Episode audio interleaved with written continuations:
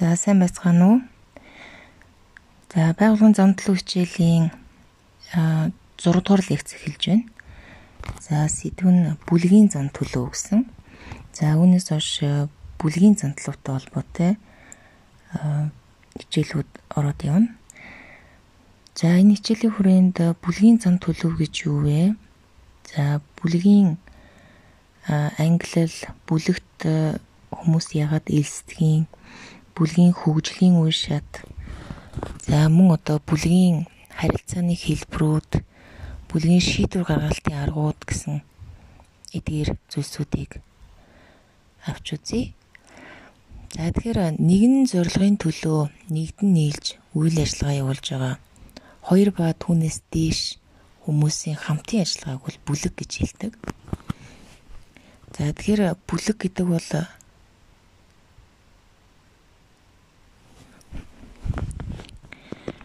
а тодорхой нэг зорилгын дор хамтран одоо хүмүүсийн хамтын одоо цогц үйл ажиллагааг бол бүлгийн үйл ажиллагааг нь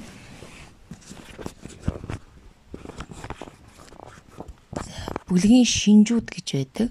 За бүлэг ямар шинжтэй байдаг вэ гэхээр тодорхой бие биетэйгээ харилцдаг. За тухайн бүлгийн гишүүн гэдгийг ухамсарладаг. Мөн бусад хүмүүс ч гэсэн тухайн хүнийг бүлгийн гишүүн гэж үздэг. Бусад хүмүүс мөн одоо бүлгийн гишүүн гэж хардаг. За ийм хүмүүсийн цогцыг бол бүлэг гэж ойлгоно. За бүлгийг дотор нь бол ангилдаг байгаа. А албан ёсны албан ёсны бус бүлэг гэж ангилдаг. За албан ёсны бүлэг гэдэг маань байгууллагын бүтцээр тодорхойлогдсон ажлын хэсгийг бол албан ёсны бүлэг. Тэгэхээр албан ёсны бүтцтэй ийм байхыг ажлын юу албан ёсны бүлэг гин. А албан ёсны бус бүлэг нь болохоор албан ёсны ёсоор бүтцлэгдээгүй а байгууллагын зохион байгуулалтанд ороогүй нийгмийн харилцааны хэлбэрийг бол албан ёсны бус бүлэг гэж хэлнэ. За за тэгэхээр албан ёсны бүлгийг бол командын даалгаврын а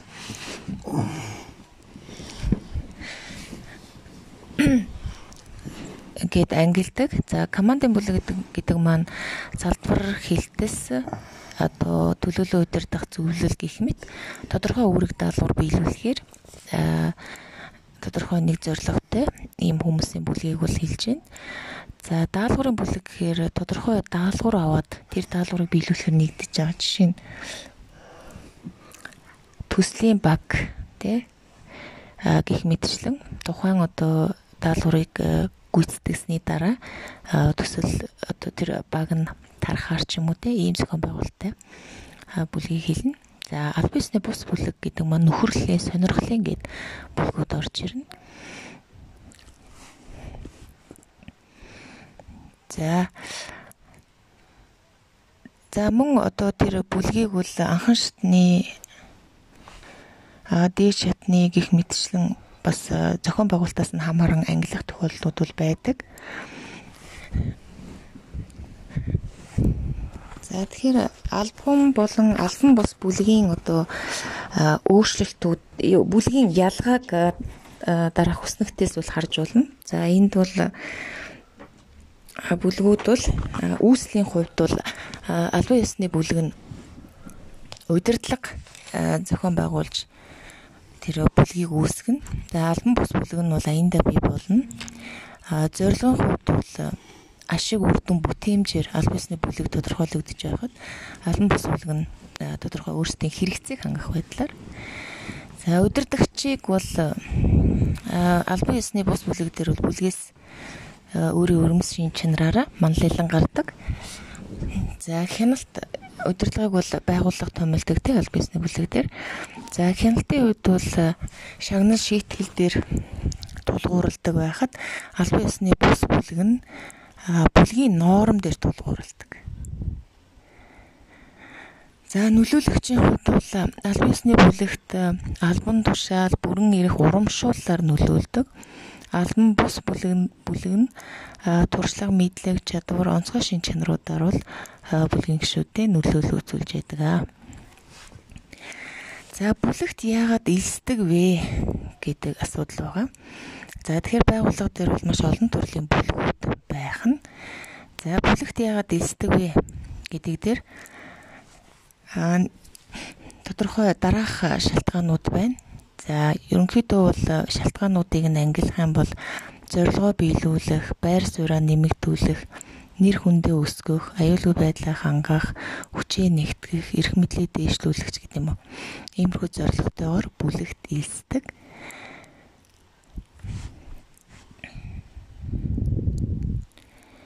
За хүмүүст ямар нэгэн бүлэгт хүмүүс ямар нэгэн бүлэгт хамаарагдах нь хамаарлын хэрэгцээгээ хангах, мөн туслалцаа, дэмжлэг авах За мөн одоо байнгын харилцаатай байх, доктортой орлогын өгөх усүртэй болгоч гэдэг юм уу? Бас ийм шалтгаанууд байж болно.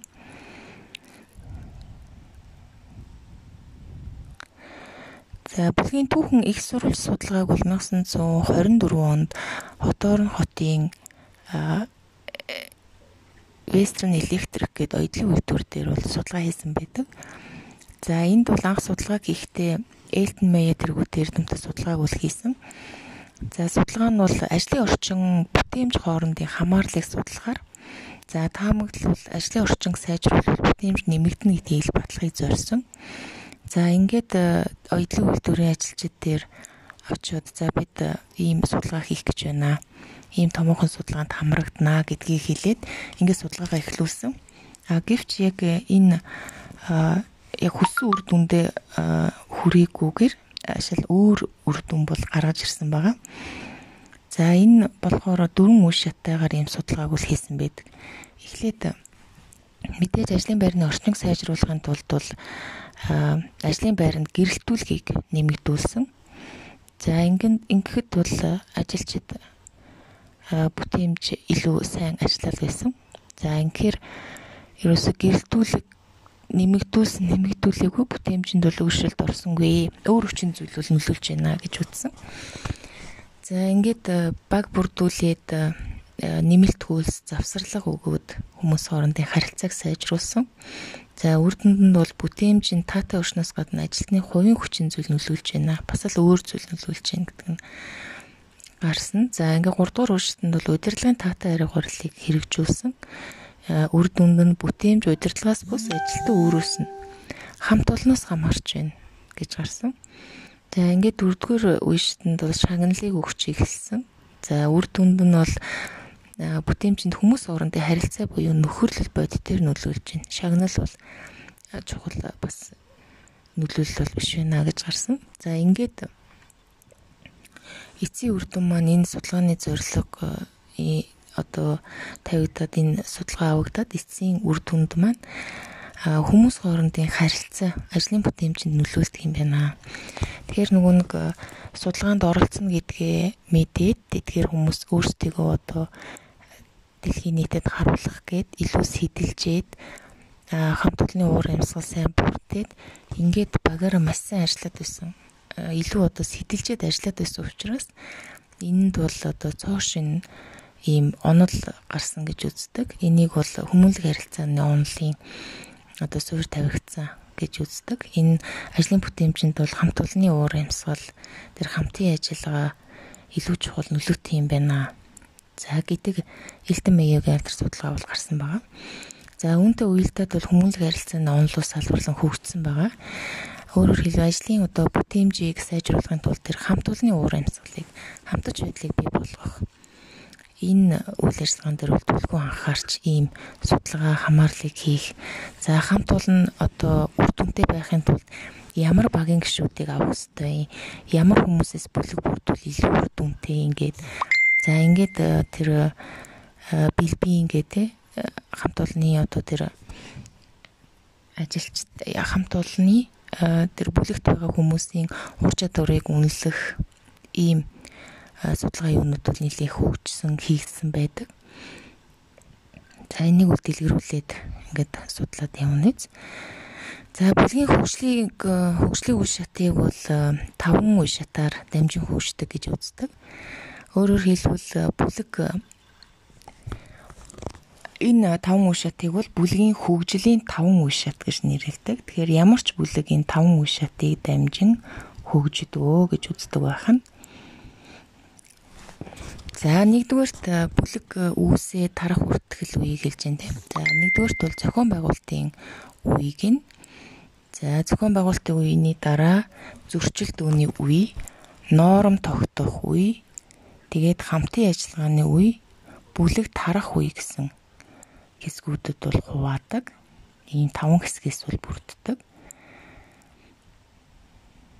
За эхний зохион байгуулалтын үед яадаг вэ гэхээр за зохион байгуулалтын үештэнд бол бүлгийн бүтэц зорилго бол тодорхой болоогүй.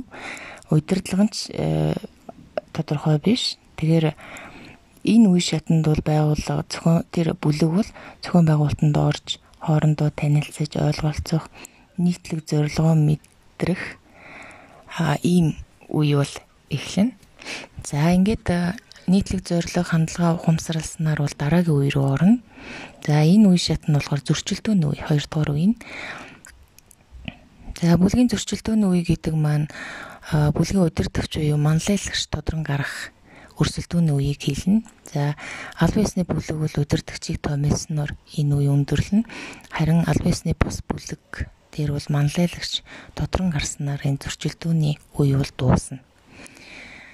За ингээд удирдагч манлайлагчаа сонгосны дараа ноорм тогтоох үе эхэлдэг. За ноорм тогтно гэдэг маань тухайн одоо удирдагч манлайлагчийн нөлөөгөөр бүлгийн соёл, норм а тэр дүрм журам, дэг жаяг бүлэгт үйлчлэх те тэр дүрм журам тогтохыг бол хэлнэ.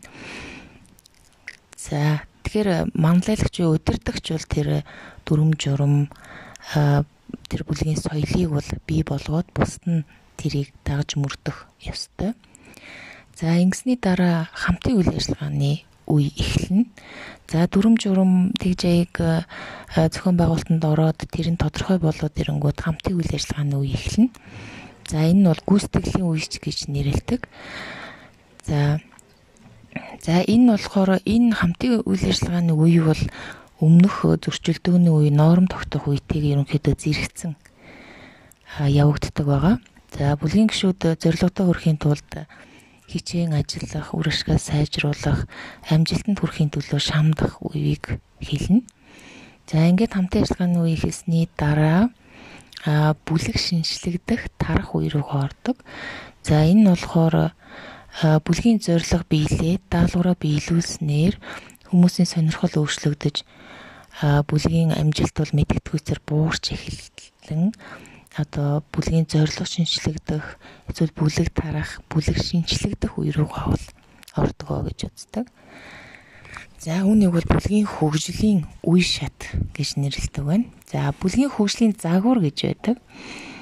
За тэгэхээр бүлгийн хөгжлийн загвар гэдэг маань а бүлгийн орчин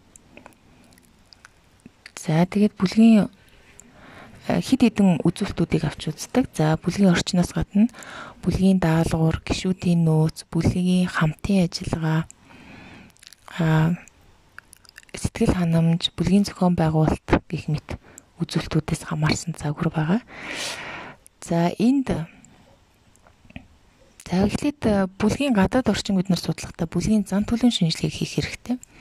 Тэгэхээр бүлгийн зан төлөвийн шинжилгээ гэдэг нь гадааддод орчны хүчин зүйлсийг тодорхойлохоос эхэлнэ. Байгууллагын дотоод орчны хүчин зүйлсд бол байгууллагын стратеги, хүний нөөцийн сонголт, байгууллагын бүтэц, нөөц, соёл, байгууллагын дотоод дүрм журам, гүйцэтгэлийн үнэлгээ, шагнал урамшуул, ажлын орчин зэргийг бол судлах шаардлагатай болно. За бүлгийн гишүүдийн боломж э, нөлөөлдөг бахан бүлгийн гишүүдийн боломж нөөц боломж энэ бол бүлгийн үйл ажиллагаа болон сэтгэл ханамжинд нөлөөлдөг байгаа. Тэгэхээр бүлгийн гишүүдийн боломж гэдэг маань юу юм гэхээр тэр э, бүлгийн гишүүн бүрийн чадвар, ур чадвар, зан чанарын чанараар бол тодорхойлогддог. За ерөнхийдөө бол бүлгийн гишүүд ур чадвараар тодорхойлогдно. Нөөц боломжоор тодорхойлогдно гэсэн үг. За энэ нь бол бүлгийн үйл ажиллагаа болон бүлгийн хамтын одоо тэр сэтгэл ханамжинд хамтын үйл ажиллагааны сэтгэл ханамжинд бол энэ нөлөөлдөг байна. За бүлгийн бүтцийг тодорхойлогч хүчин зүйлсд бол манлайлагч гişүүдийн дүр норм бүрэлдэхүүн бүлгийн хэмжээ статус зэрэг бол ордог. Тэгэхээр бүлгийн үйл ажиллагаа нь тухайн бүлгийн үр ашгийг бол тодорхойлж байдаг. Хэр үр дүнтэй хамтран ажиллаж байна. Гадаад орчноос үзүүлж байгаа нөлөөлөлд хэр таатай, нөлөөлөл хэр таатай, мөн бүлэг тухайн орчинд хэрхэн дасан зохицон ажиллаж байгаагаас бол бүлгийн үйл ажиллагаа хэр амжилттай ажиллах нь шалтгаалдаг. За бүлгийн үүрэг даалгавар. За бүлгийн үүрэг даалгавар гэдэгт бол бүлэг гүйцэтгэхээр авсан үүрэг даалгаврыг бол хэлнэ. За хэцүү даалгаврыг гүйцэтгэхийн тулд бүлгээрээ хилэлцэж байгаа эсэх а мөн одоо ажилчдын үүрэг хэрхэн стандартлагдсан зэрэгээс бол хамаардаг. За бүлгийн мэдээлэл солилцох байдал хэр хөгжснөөс бол үүрэг даалгаврыг үр дүнтэй гүйцэтгэх тэр үйл ажиллагаа шалтгаална. Мөн одоо бүлгийн үйл ажиллагаанд бол тэр бүлгийн гишүүдийн нөөц, боломж, чадвар, чадвах бол бас нөлөөлнө гэсэн үг байна. За бүлгийн зохион байгуулалт бас хэр байгаас шууд хамаарч нэвэгдэнэ. За бүлгийн нэгтрал а гүйцэтгэл нь бүлгийн гишүүдийн хамтран ажиллаж байгаагаас авч байгаа сэтгэл ханамж ирээдүйд хамтран одоо цаашдаа ажиллах сонирхол байгаа зэргээр тодорхойлогддог. Тэгэхээр бүлгийн гүйцэтгэл нэгтрал хоёрыг харуулсан нэг матриц байдаг. За баруунгаар дэшээ бүлгийн гүйцэтгэл дэшээгээ нэгтрал бүлгийн нэгтрал гэдэг. Тэгээ их баг гэдэг ингээ матриц байгаа. Тэгэхээр өндөр бүтээмжтэй дундаж бүтээмжтэй дунджаас бага бага бүтээмжтэй гэсэн дөрвөн төрлийн матриц гараад ирж байгаа.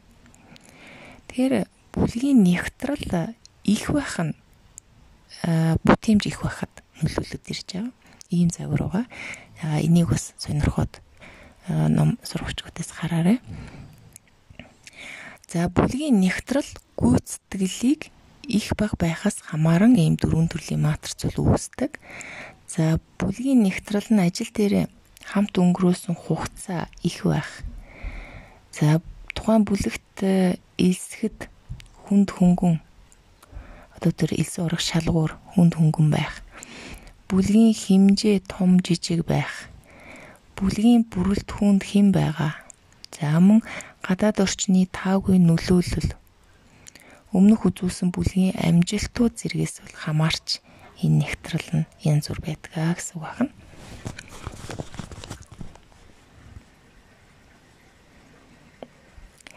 За бүлгийн харилцааны э, загвар гэж байгаа. Бүлгийн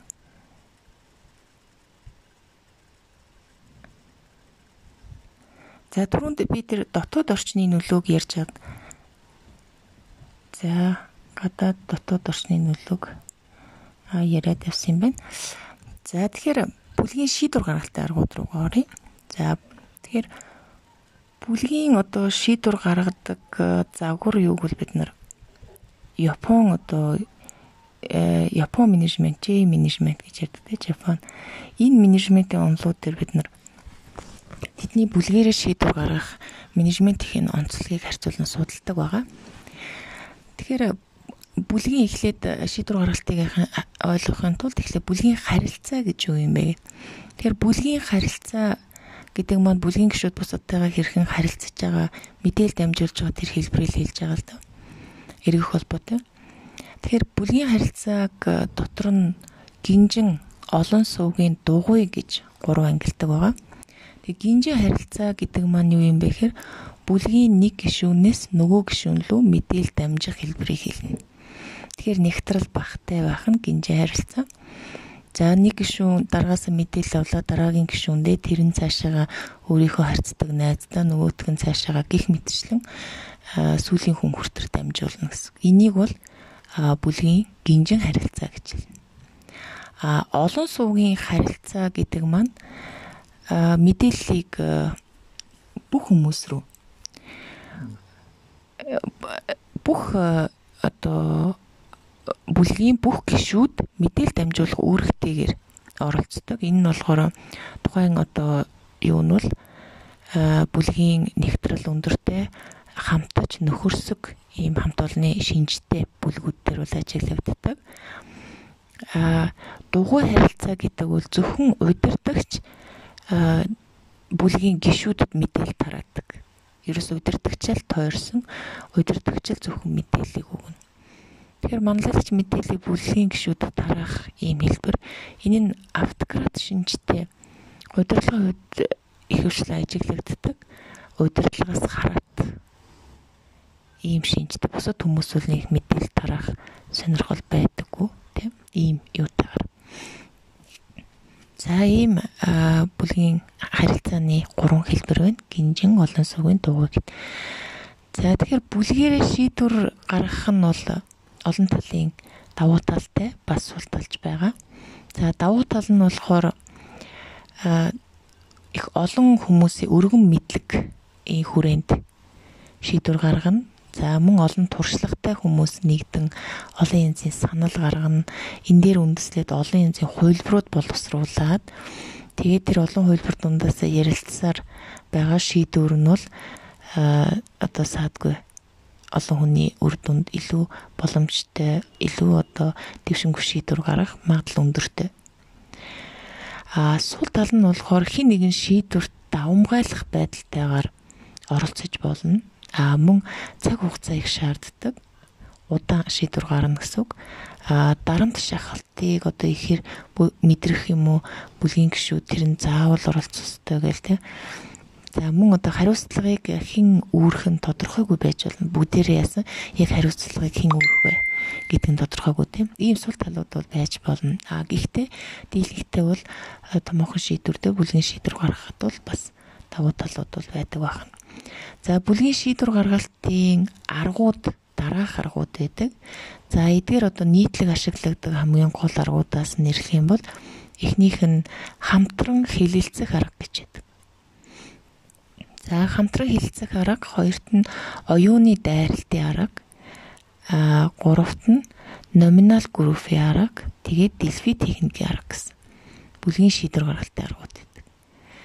За тэгэхээр бүлгээр одоо энэ бүлгээрээ ярилцаа, санал бодлоос солилцоод ингээд хоорондоо хилэлцээд ингээ үр дүнд нь нэгдсэн шийдвэрт хүрэхийг бол хамтран хилэлцэх арга.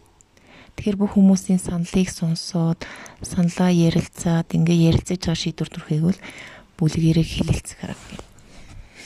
За харин оюуны дайралтай арга гэдэг нь за төсөл төр үл хэвшлээ ашигладаг хүн бүрээс нэгээс э, олон санал гаргаад за тэр санал дундаас э, ойролцоо саналуудыг нэгтгэж шүүж яваад ингээ явсаар байгаад хамгийн эцсийн зөв хувилбарт э, хүрэх ийм аргыг бол оюуны дайралтай арга гин. За тодорхой шалгуураар тэр одоо юунуудаа шалгуур гаргаж агаад тэр саналуудаа шүүж ингээд эцсийн одоо хувилбараа гаргаж байгаа. За төсөл дээр бол За ямар нэг асуудлыг шийдэхин тулд ийм төслийн нөгөө жижиг саналын хуудсууд тараадаг тийм тараагаад за саналуудаа бичээрэй хүн бүр нэр усаа бичих шаардлагагүй заримдаа бичсэн ч болно тийм өөрсдийнхөө нэгээс дээш энэ асуудлыг яаж шийдэх саналуудаа бичгээ. Тэгээ саналуудын давхарцнуудын нэгтгэе нэгтгээд ингээ зүүхэд багцлаа штэ. Тэгж байгаа тэр саналууд дээр сайхан ярилцж байгаад ингээ шийдэхийг бол оюуны дайралтай арга гэж. Тэр хүн бүр энд саналаа өгдөг ийм арга байгаа. За brainstorm гэдэг. За дараа нь номинал группийн арга гэсэн шийдвэр гаргалтыг. За энэ арга нь яа гэм бэ гэхээр бүлгийн гişүүд эсвэл хид хідэн гişүүд хамтраад төсөл байдлаар одоо тэр өөрийн боловсруулсан саналыг олны өмнө гарч тайлагнаад бусдынхаа өмнө л дөө бусдынхаа өмнө гарч тайлагнаад бусад гişүүд нь саналыг нь сонсоод шүүн хилэлцээд шийдвэрлэж байгаа энэ аргыг номинал групп арга. Тэгэхээр бүлэг одоо хэд за ангиуд үед та нарын үед авч үзэх юм бол бүлэг 20 30 хүүхэдтэй гэвэл 10 10-аар нь тий 3 10-т дуажгаад 10-тууд нь тодорхой асуудлыг шийдвэрлэх одоо төсөл бичээд миний төсөлтэй бичээд энэ асуудлыг ингэж ингэж яа гэдэг илтгэлээ тавих нь тус тусдаа тавиад за бус нь тэгээд бусад бүгдээрээ тэр саналаа хэлэлцээд ингээд шийдвэрлэх нь За энийг бол номинал группийн арга гэж байгаа. За нэгээс хоёр бүлэгч тавьж бол эсвэл нэг төлөвлөлөө ягаад тэрийг шийдэж болно. За э, дөрөвдүгээр дэлфи техникийн арга гэж байгаа.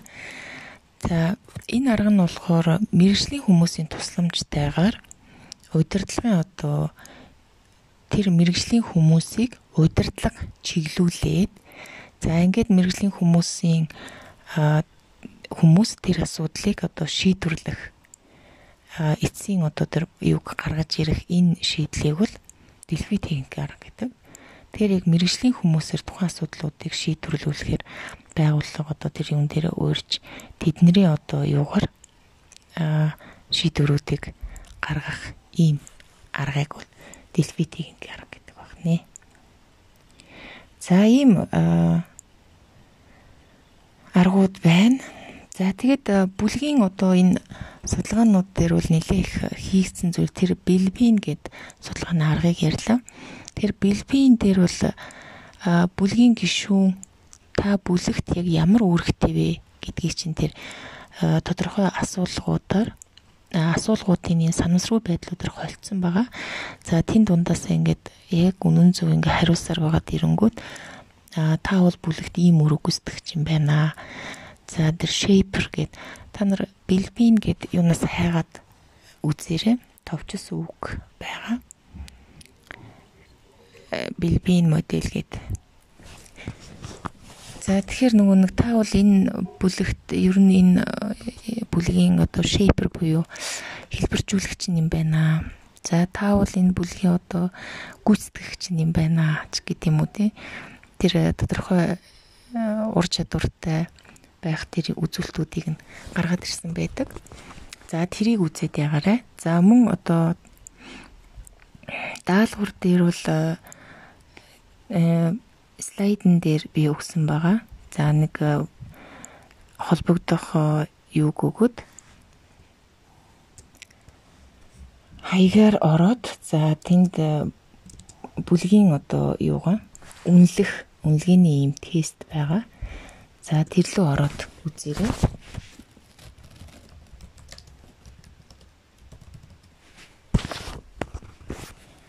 За тэр тест нь бол э, монголоор ш англиар байгаа. Та бүхэн бол тиймэрхүү төвшөнд бол орчуулад явчих байх. За түрүүний юун дээр бас ярьсан байгууллагын цондлог хичээл бол менежменттэй агсан төвшин учраас аль болох гадаад ном за тэр хөгжингүй улс орны менежментийн юмнуудыг бол түлхүү орчин үеийн онолуудыг эн чинь хамгийн их өөрчлөгддөг онол бол байгуулгын зам төлөв. Яг тэгэхээр орчин нөхцөл өөрчлөгдөд хүн илүү хөгжөөд илүү одоо удирдахад төвөгтэй болоод байгаа учраас тэрийг удирдахын тулд та бас илүү хөгжиж илүү шин шин онолууд бол гарч ирж байгаа. Тэр болгоныг цаг тухайд нь судлаж ингэж явах хэвээр мэдээж үндсэн суур олон зуун жил хөгжсөн тэр суур ойлголтуудыг л авна. Аа тэгээд дэвшингүү бас шинэ онолуудаа бид судалж явах хэрэгтэй. Жишээ нь одоо манлайлалын онол гэхэд өөрчлөгдөл их олон урсгалууд гарч ирээл жишээ нь бол манлайлагч гэдэг бол бусдыг араастаа дагуулхаа гэж үзсэн л орчин үеийн онолоор өөрөө өөрийгөө удирдах тухай болж ирээд бусдыг бол удирдах хэрцэнгүү амар юм байна. Харин өөрөө өөрийгөө ингэж удирдах өөрийгөө ялан дийлнэ гэдэг нь баг хамгийн хэцүү болж тээ.